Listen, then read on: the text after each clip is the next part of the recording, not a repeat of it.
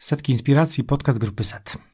Nazywam się Adam Walerianczyk i zapraszam na 55. odcinek pod jakże intrygującym tytułem Został mi miesiąc. W dzisiejszym odcinku opowiem o pytaniach, które warto sobie czasem zadać, kiedy na jakimś etapie życia utknęliśmy w miejscu, albo po prostu jeśli mamy ochotę czy potrzebę spojrzenia na nasze przyszłe decyzje w trochę innym niż zwykle świetle.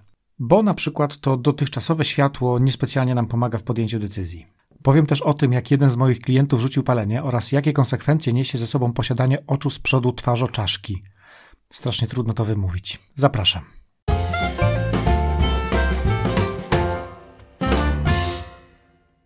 Zaczynam od pytań, takich pytań, które mogą pomóc na takim etapie naszego życia, w którym utknęliśmy w miejscu. Te pytania, o których powiem, zadaję zwykle moim klientom w sesjach coachingowych, ale jestem przekonany, mało tego wiem, bo przetestowałem sam na sobie, że jeśli zadamy je sobie sami, to jesteśmy w stanie wymyślić dla siebie naprawdę wiele dobrego. O jakie pytania chodzi? Jest taka technika stosowana w coachingu, która się nazywa zmiana perspektywy. Zwykle się ją stosuje w, po to, żeby się przyjrzeć problemowi klienta, żeby on sam przyjrzał się swojemu problemowi z jakiejś takiej nieoczywistej strony, w taki sposób, w jaki dotąd na nią nie patrzył. Pytania, które wtedy zadaje coach, krążą zwykle wokół perspektywy widzenia innych osób. Na przykład, co by zrobił w takiej sytuacji ktoś, kto jest dla ciebie autorytetem? E, co by ci doradził ktoś, kto życzy ci dobrze? Ale też na przykład, co by ci doradził ktoś, kto życzy ci źle? Co by w tej sytuacji zrobił jakiś twój bohater z dzieciństwa? I tak dalej. Pytania, które przed chwilą przytoczyłem, są oczywiście wyrwane z kontekstu i mogą się wydawać durne, zwłaszcza jeżeli nie stoisz dzisiaj przed żadnym ważnym dla siebie wyborem. Ale kiedy człowiek stoi przed takim wyborem i nie jest w stanie ruszyć w żadnym kierunku, bo to, co do tej pory wymyślił, wynika z tego sposobu myślenia, który na co dzień stosował, to wtedy zmiana perspektywy może rzucić nowe światło na pozornie doskonale znaną sytuację. No jak to w coachingu? Nie każde pytanie będzie wartościowe, w sensie mm, może nie przynieść oczekiwanej, mądrej odpowiedzi, ale czasem będzie tak, że to pytanie zwyczajnie siądzie. W sensie zapracuje i klient odkryje jakiś nowy element układanki, który go skieruje w stronę nierozważanej wcześniej opcji działania. Jedne z moich ulubionych pytań związanych ze zmianą perspektywy to są takie pytania, które przenoszą klienta w czasie. Już tłumaczę. Najłatwiej mi będzie to zrobić na podstawie takiego klasycznego i chyba dla wszystkich zrozumiałego przykładu. Otóż klient zastanawia się, czy odejść z etatu i założyć własną firmę, czy może zostać i zarabiać w sumie dobre pieniądze w imię bezpieczeństwa finansowego własnego i jego rodziny. No i często kłopot polega na tym, że w związku z tym, że czas biegnie dla nas liniowo i to tylko w jedną stronę, czyli do przodu, no to my sami też najczęściej myślimy do przodu, tak samo jak patrzymy do przodu, bo mamy oczy z przodu twarzoczaszki. I to jest z jednej strony fajne, bo mamy dość szeroki przekrój i widzimy dużo przed sobą, no ale z drugiej strony możemy patrzeć wyłącznie przed siebie. Zastanawiamy się, co to będzie, jak to będzie, co się stanie albo co się nie stanie, jeśli to zrobimy, albo jeśli tego nie zrobimy. A jeśli zdarzy nam się nawet spojrzeć wstecz najpierw tak fizycznie, oczami, no to robimy to z pozycji, w której się aktualnie znajdujemy. Jesteśmy w jakimś miejscu w przestrzeni, 10 metrów od ściany, no jak spojrzymy wstecz, to widzimy tą ścianę, która stoi za nami.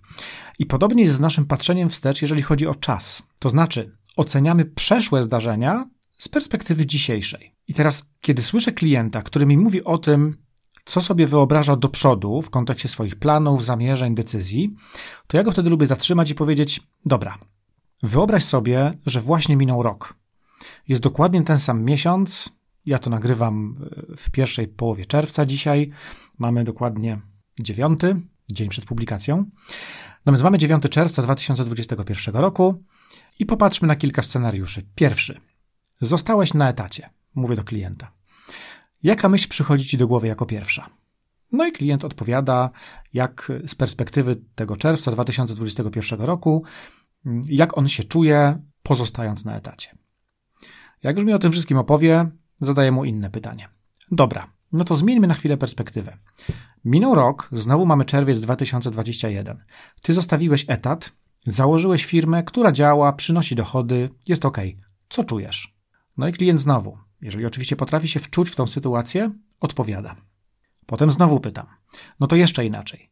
Minął rok, znowu, mamy czerwiec 2021, rzuciłeś etat, ale twoja nowa firma nie zarabia, poniosłeś porażkę. Jak to widzisz z tej perspektywy? No i klient znowu odpowiada. Tyle, ile jest w stanie sobie wyobrazić. I to jest niby to samo, jak myślenie do przodu, w sensie co będzie za rok, ale naprawdę taka zmiana perspektywy, jeśli dobrze siądzie, jeśli klient jest w stanie sobie wyobrazić moment tego za roku, to taka zmiana powoduje, że pojawiają się emocje, które się nie pojawiają w takim myśleniu do przodu. Obserwuję, że myśleniu do przodu towarzyszą często obawy, wątpliwości, niepewność, a jak już się klient osadzi w sytuacji tego za roku, to w dziwny sposób potrafi poczuć, a nawet w jakiś sposób zmierzyć to, co się będzie działo. Oczywiście nie ma gwarancji, że cokolwiek z jego potencjalnych planów się powiedzie, ale tak samo nie ma gwarancji, że się nie powiedzie. Ta technika ma na celu jedynie poszerzenie perspektywy myślenia o swoich przedsięwzięciach, zobaczenia ich w nieoczywisty sposób, w jaki dotąd na nie klient nie patrzył.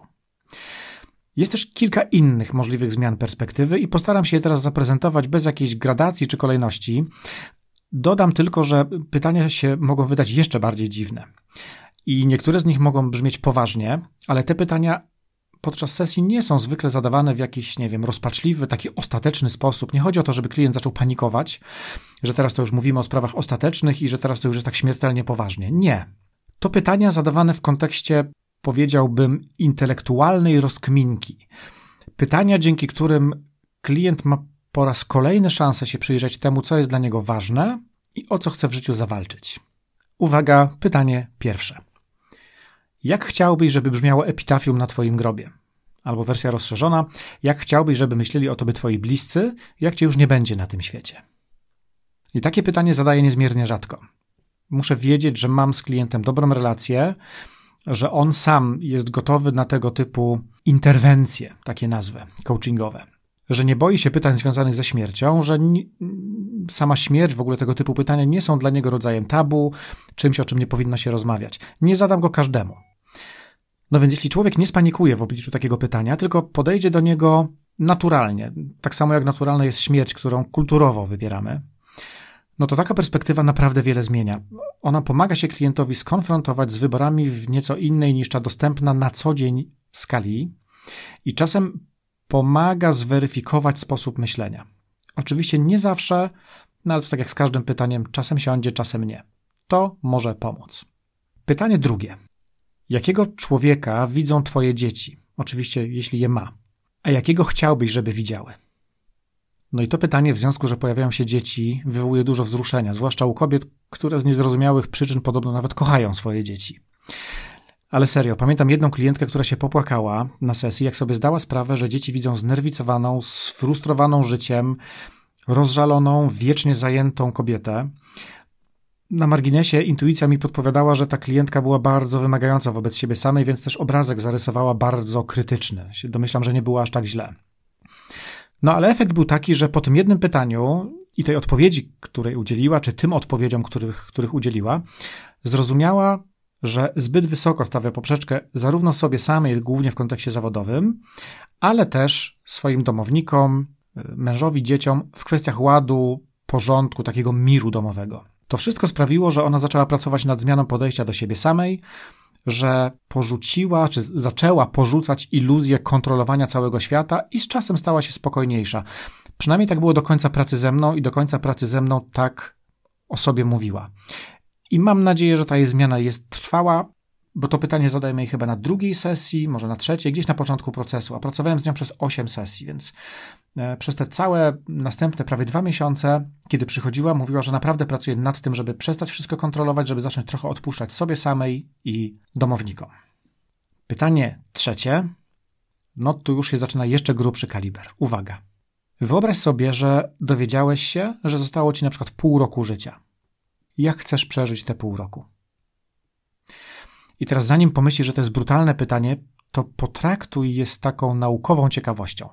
Popatrz, kiedy planujemy jakieś przedsięwzięcie, niech to będą prozaiczne, banalne zakupy, albo niech to będą wakacje, projekt zawodowy, cokolwiek, no to każde z tych wydarzeń ma jakiś finał, ten korporacyjny deadline, jakiś koniec, dzięki któremu możemy zmierzyć, co się nam z tych naszych zamierzeń udało, a co się nie udało.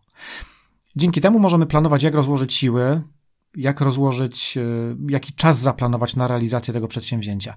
Jak jadę rowerem, to nie jadę aż umrę. Tylko z grubsza wiem, że dziś przejadę 30 km, a dziś 100 km, więc wiem, że muszę wziąć na te 100 km więcej jedzenia i wody i zaplanować zwłaszcza dłuższą trasę, tak żeby pod wiatr mieć na początku, a wracać już z wiatrem. No tylko, że z żyćkiem jest taki kłopocik, że raczej nie znamy tego deadline'u. W zasadzie na pewno go nie znamy. Przez to wiele naszych działań może być przypadkowych, chaotycznych, ale co chyba w tym wszystkim najgorsze, odkładanych na nieokreślone później. No bo przecież do rodziców mogę pojechać za tydzień, nie muszę dzisiaj. Przecież zawsze mogę kupić żonie kwiaty. Czemu mam to robić dzisiaj? Przecież nic się nie stanie, jeśli nie pojadę na jeden mecz mojego syna, będzie następny. I tak dalej. Tymczasem perspektywa umrzesz za pół roku, za trzy miesiące, jutro raczej porządkuje nam sprawy, niż je komplikuje. Jeszcze ciekawsza jest zabawa ze skracaniem tego czasu, czyli gdybyś miał pół roku, no to o co zadbasz? A jeśli miałbyś trzy miesiące, to o co zadbasz? A jeśli tylko tydzień? A jeśli jutro miałbyś się nie obudzić, to jak spędzisz dzisiejszy dzień? I uwierz mi, naprawdę fajnie jest sobie odpowiedzieć, że żyłbyś tak jak żyjesz, robiłbyś to, co robisz, przynajmniej w większości. Ale ta perspektywa często pokazuje, że jest kilka elementów naszych życiek, które mogłyby jednak znaleźć trochę więcej naszego czasu, więcej uwagi. I w takim kontekście to jest naprawdę wartościowe pytanie. Podkreślam, to nie jest oczywiście pytanie dla każdego. Jak to z pytaniami w coachingu, nie każde pytanie będzie tym pytaniem. Pamiętam, jak będąc młodym coachem, poszukiwałem takiego świętego grala wśród pytań, że jak zadam to pytanie, to się rozstąpi niebo, pęknie ziemia czy coś, a klient dokona gruntownej rewizji wszystkiego i postanowi spędzić resztę życia w Nepalu na kontemplowaniu wzrostu trawy bambusowej, żeby lepiej rosła, czy coś. Dzisiaj porzuciłem poszukiwania świętego grala wśród pytań i jeśli pytanie nie trafi, no to fajnie. Jeżeli nie trafi, no to wtedy zadaję inne. No i właśnie, kolejna łagodniejsza wariacja na temat pytania o to, że zostało ci tam trzy miesiące czy tydzień życia. I to jest pytanie, może raczej propozycja zadania, które klientom proponuję do zrobienia między sesjami. Brzmi tak, uwaga. Statystycznie dożyjesz osiemdziesiątki. Popatrz, jak wygląda Twój ostatni rok, Policz, ile razy zrobiłeś ważne albo i nieważne dla siebie rzeczy, jak ten rok wypełniłeś, i na tej podstawie zrób prognozę, ile razy zrobisz je do końca życia. No i potem podczas kolejnej sesji pytam klienta o wnioski. No to jak ci się podoba to, co y, wypisałeś, ta twoja prognoza? Co chcesz zostawić, co zmienić? Czego zrobisz wystarczająco dużo, a czego okazuje się, że zrobisz zbyt dużo? Co to są te ważne bądź nieważne rzeczy, Tutaj jest bardzo duża dowolność. To może być wspólny czas z najbliższymi. To może być czas poświęcany na pracę, czas poświęcany na drobne przyjemności, jakaś tam, nie wiem, restauracja, kino, park wodny, wszystko teraz zabronione. Ale nie wiem, grill, czy jakaś impreza z rodziną, czy ze znajomymi. Ale to może być też oglądanie YouTube'a, czy scrollowanie Facebooka i tak dalej. Pamiętam, że jednemu klientowi wyszło, ja teraz przyznam, że zrobiłem sobie notatki i trochę to policzyłem. W każdym razie on y, palił paczkę papierosów dziennie i wypijał, jak pamiętam, powiedział mi około 10 butelek piwa tygodniowo. Pijał takie kraftowe piwa, bardzo lubił piwa. E, nie najtańsze oczywiście, bo to nie jest piwo promocyjne w puszkach, tylko takie piwo kraftowe kosztuje nie wiem, od 4 e, do 9 nawet złotych. No więc uśredniłem sobie ceny i tak. Jednemu z tych klientowi wyszło, że wypali jeszcze 328,5 tysiąca papierosów, na które wyda 243 tysiące złotych. E, oraz wypije 23 400 butelek kraftowych piw, na które wyda trochę ponad 140 tysięcy złotych. To był klient, który miał około 35 lat, estymacja do 80, więc przez te 45 lat wypaliłby tyle i wypiłby tyle. I teraz uwaga, na kolejną sesję wrócił jako niepalący. Oczywiście on już od dawna się nosił z zamiarem rzucania palenia, ale jakoś tak perspektywa tego, co wydał, no to tego już nie widział albo uznał, że okej, okay, no to jest strata, która poszła gdzieś tam. Natomiast jak sobie zdał sprawę, że w sposób świadomy wyda ćwierć miliona złotych na mm, papierosy do końca życia, no to to, była taka, to był taki element układanki, którego mu brakowało do tego, żeby to palenie rzucić. Miał już za sobą kilka prób, no ale tutaj e, na następną sesję przyszedł jako niepalący i do końca procesu przynajmniej pracując ze mną na pewno nie zapalił. Tak mi mówił. Na piwo miał pełną zgodę, więc y, z piwa nie rezygnował. Tutaj było to dla niego ok. Nie upijał się, nie miało to żadnych jakichś konsekwencji poważnych w jego życiu, negatywnych. Był człowiekiem na tyle majętnym, że go było na te piwa stać, więc to było dla niego w porządku. Samo zadanie, czy samą technikę pracy zaczerpnąłem z artykułu Artura Króla, a jakże, sprzed mniej więcej trzech lat. Tytuł artykułu Co ci jeszcze w życiu pozostało? Będzie link pod podcastem, także spokojnie będziecie mogli sobie ten artykuł przeczytać i adaptować technikę. Dlaczego o tym opowiadam? Ano, często rozmawiam z ludźmi, zwykle zawodowo, ale czasem w prywatnych rozmowach też się przebija postawa, o której chcę powiedzieć, a mianowicie taki rodzaj rozgoryczenia, żółci wylewanej na wszystkich dookoła za to, że moje życie wygląda tak, jak wygląda, albo nie wygląda tak, jak chciałbym, żeby wyglądało. Że niewiele w nim osiągnąłem, że niewiele po sobie zostawiam, że kiedyś mi zabrakło odwagi albo chęci, żeby porzucić jakiś kawałek życiowego, takiego kanapowego komfortu, rutyny i zrobić coś, na co zawsze miałem ochotę. Że nie żyję, tylko trwam, przetrwywam, tak hibernuję. Kiedyś napisałem na naszego bloga z kolei tekst pod tytułem Termin przydatności marzeń. Tam przyznałem się do odkładanego przez 10 lat kursu na płetwonurka. Raz mi się zamarzył, jak e, mój znajomy wrócił z Chorwacji czy z Egiptu, gdzie po raz pierwszy nurkował na jakiejś rafie koralowej i opowiadał mi, że to jest coś nieprawdopodobnego, że zanurzasz się w inny świat, są zupełnie inne dźwięki, kolory. Jak go słuchałem, to miałem poczucie, muszę być kiedyś w Egipcie i zanurkować na rafie koralowej. I nic więcej oprócz tego pomyślenia nie zrobiłem. Minęło 10 lat, kiedy się zdecydowałem na kurs, ale tego kursu już nie dokończyłem, bo już mnie to nie bawiło. Czy żałuję? Żałuję. Czy mógłbym dziś zrobić kurs po raz kolejny? Mógłbym, ale nie chcę. Czas na kurs dla mnie był wtedy, te jakieś 20 lat temu, kiedy mi się zamarzył. Tylko, że wtedy albo nie miałem czasu, albo pieniędzy, chociaż myślę, że i jedno i drugie miałem, raczej było tak, że ten kurs wydawał mi się czymś takim nie niezbędnym, że to jakaś fanaberia, że szkoda zachodu, że powinienem pracować, zarabiać, żyć jak wszyscy. I czekałem z tym kursem na jakieś bliżej nieokreślone kiedyś. I kiedy to kiedyś nadeszło, to się okazało, że, że, że to nie jest właściwe kiedyś. To trochę tak jak spróbować po raz pierwszy takiej grubej imprezy z morzem alkoholu i głośną muzyką oraz darciem ryja w takt jakiejś znanej piosenki tylko, że spróbować tej imprezy po raz pierwszy w moim wieku, czyli 45 lat. No niby można, ale koszty dnia następnego zniechęcają mnie do takich pomysłów. Ale w wieku 20 lat, oj tak, wtedy były imprezy. Nigdy ich nie zapomnę, nic z nich nie pamiętam. Tylko, że mając 20 lat, po pierwsze, byłem nieśmiertelny, jak wszyscy dwudziestolatkowie. Po drugie, byłem głupi, jak większość dwudziestolatków. Po trzecie, byłem nieodpowiedzialny, a po czwarte, byłem bez kasy. Więc wszystko się zgadzało. To był czas dzikich imprez, a ja przyznam, że dość owocnie z tego czasu korzystałem. Dzisiaj ani mnie to niespecjalnie kręci, ani co tu kryć, zdrowia mi już na, naprawdę na takie rzeczy nie wystarcza. Czas na to był wtedy, tak jak czas na nurkowanie był kiedyś, 20 lat temu. I dlatego, kiedy przyszedł czas na Islandię, pojechałem na Islandię. Kiedy przyszedł czas na rower, potestowałem różne i kupiłem najlepsze, na jakie było mnie stać, a teraz tylko Dokupuję już do niego biżuterię. Kupiłem sobie takie lampki sterowane z komputerka albo taki, taki dzwonek ring. To jest jak pierścionek prawie, którego prawie nie widać. Jest przepiękny. No i jeżdżę oczywiście e, na rowerze i mam z tego frajdę taką samą jak 25 lat temu z dzikich imprez.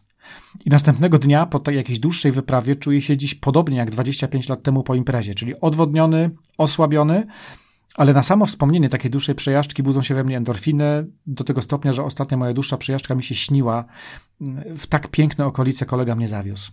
No więc czas roweru jest dla mnie teraz i czerpię z tego czasu ile mogę. Więc uważam, że czasem trochę bezrefleksyjnie podchodzimy do takiego linearnego sposobu patrzenia na życie. Że było jakieś wczoraj, jest jakieś dzisiaj i będzie jakieś jutro, z czego w sumie pewne jest tylko to, że było wczoraj i że jest dzisiaj. Z tym jutrem to nie wiadomo do końca, choć wszyscy, których znam, włącznie ze mną samym, funkcjonują tak, jakby z jakichś przyczyn to jutro było oczywiste.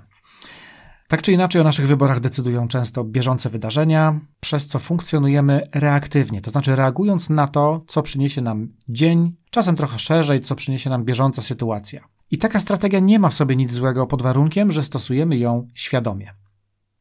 Tylko, że tak nie wygrywa się meczów.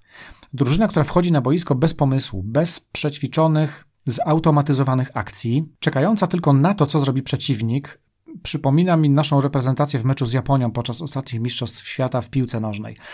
22 zawodników na boisku, piłka też na boisku, sędzia na boisku, ale przez ostatnie 10 minut nie dzieje się totalnie nic. Polska wygrywa 1-0, ale mecz przechodzi do historii jako chyba największy blamasz, a na pewno większy niż ewentualny remis z tą Japonią albo nawet przegrana, tylko że z wolą walki. Każdy zawodnik musi reagować na to, co się dzieje na boisku, ale jeżeli drużyna nie ma większego pomysłu, jakiejś strategii na wygraną, plus oczywiście umiejętności trenera i zawodników, no to w dłuższej perspektywie nie będzie wygrywać.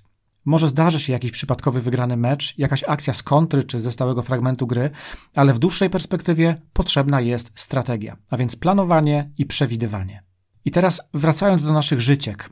Jeśli to planowanie i przewidywanie nie pomaga nam ruszyć z miejsca, wtedy może się przydać zmiana perspektywy, o której mówiłem wcześniej.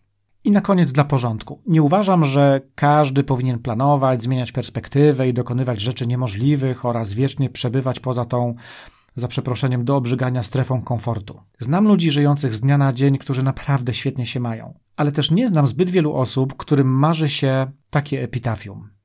Żył niepokornie. Spędził 45 lat za biurkiem w urzędzie.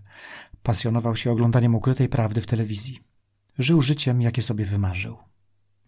No tak, powiesz, dobra, ale co w tym złego? Odpowiem nic, jeśli ktoś rzeczywiście takie życie sobie wymarzył, dla kogo bezpieczeństwo i taki święty spokój są najcenniejszymi wartościami w życiu. Jeśli jest to jego wybór, a nie zaniechanie wyboru innych rzeczy, tylko przez y, pozorny spokój, wygodę. I nade wszystko, jeśli nie próbuje na siłę wciskać tych wartości swoim dzieciom, które mają właśnie 20 lat i w związku z tym, że są nieśmiertelne, mają szansę zdefiniować swoje życie po swojemu. I tym patetycznym stwierdzeniem kończę ten patetyczny odcinek. Do usłyszenia za dwa tygodnie.